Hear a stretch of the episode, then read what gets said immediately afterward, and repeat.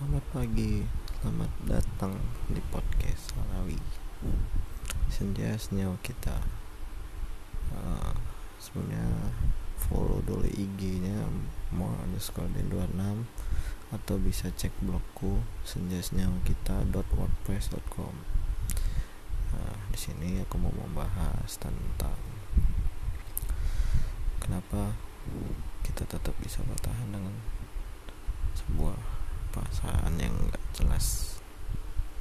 Gak jelasnya itu kayak ibarat kita tetap stuck perasaan kita sama dia padahal kita tahu perasaan kita nggak berbalas dia pun nggak tahu perasaan kita. Kita tetap kekeh tetap mau gitu sama perasaan kita ini. Ya mungkin itu tadi di dalam dasar hati kita kita punya sampai CD ya kan ya mungkin suatu saat perasaan itu balas. Tapi nyatanya kita nggak berani ngungkapin itu.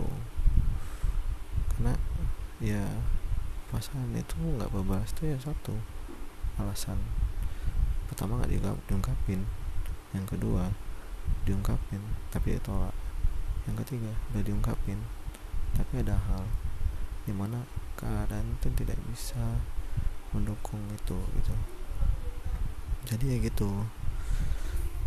Kadang emang susah. Apalagi dibalangi dengan fakta-fakta atau masa lalu. Ibarat kita udah pernah menjalin hubungan tapi gagal.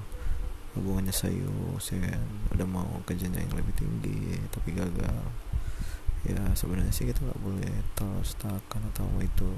Karena trauma itu ya itulah tantangan kita kita tadi. Kayak mana kita bisa melewatinya gitu ya sebaiknya sebaiknya kita coba untuk coba percaya lagi coba berani lagi. Karena nggak semua individu itu ya sama perawakan dan wataknya. Tapi ya adalah kekurangannya masing-masing. Itu ya tergantung kita tadi saling menerima. Jadi ya gimana komitmen di awal aja. Jadi ingat ketika ingin memulai pasangan yang baru hubungan yang baru tuh harus ada komitmen di awal. Kenapa? Karena itu hal yang paling penting ketika komitmen itu udah diingkari semua udah putus.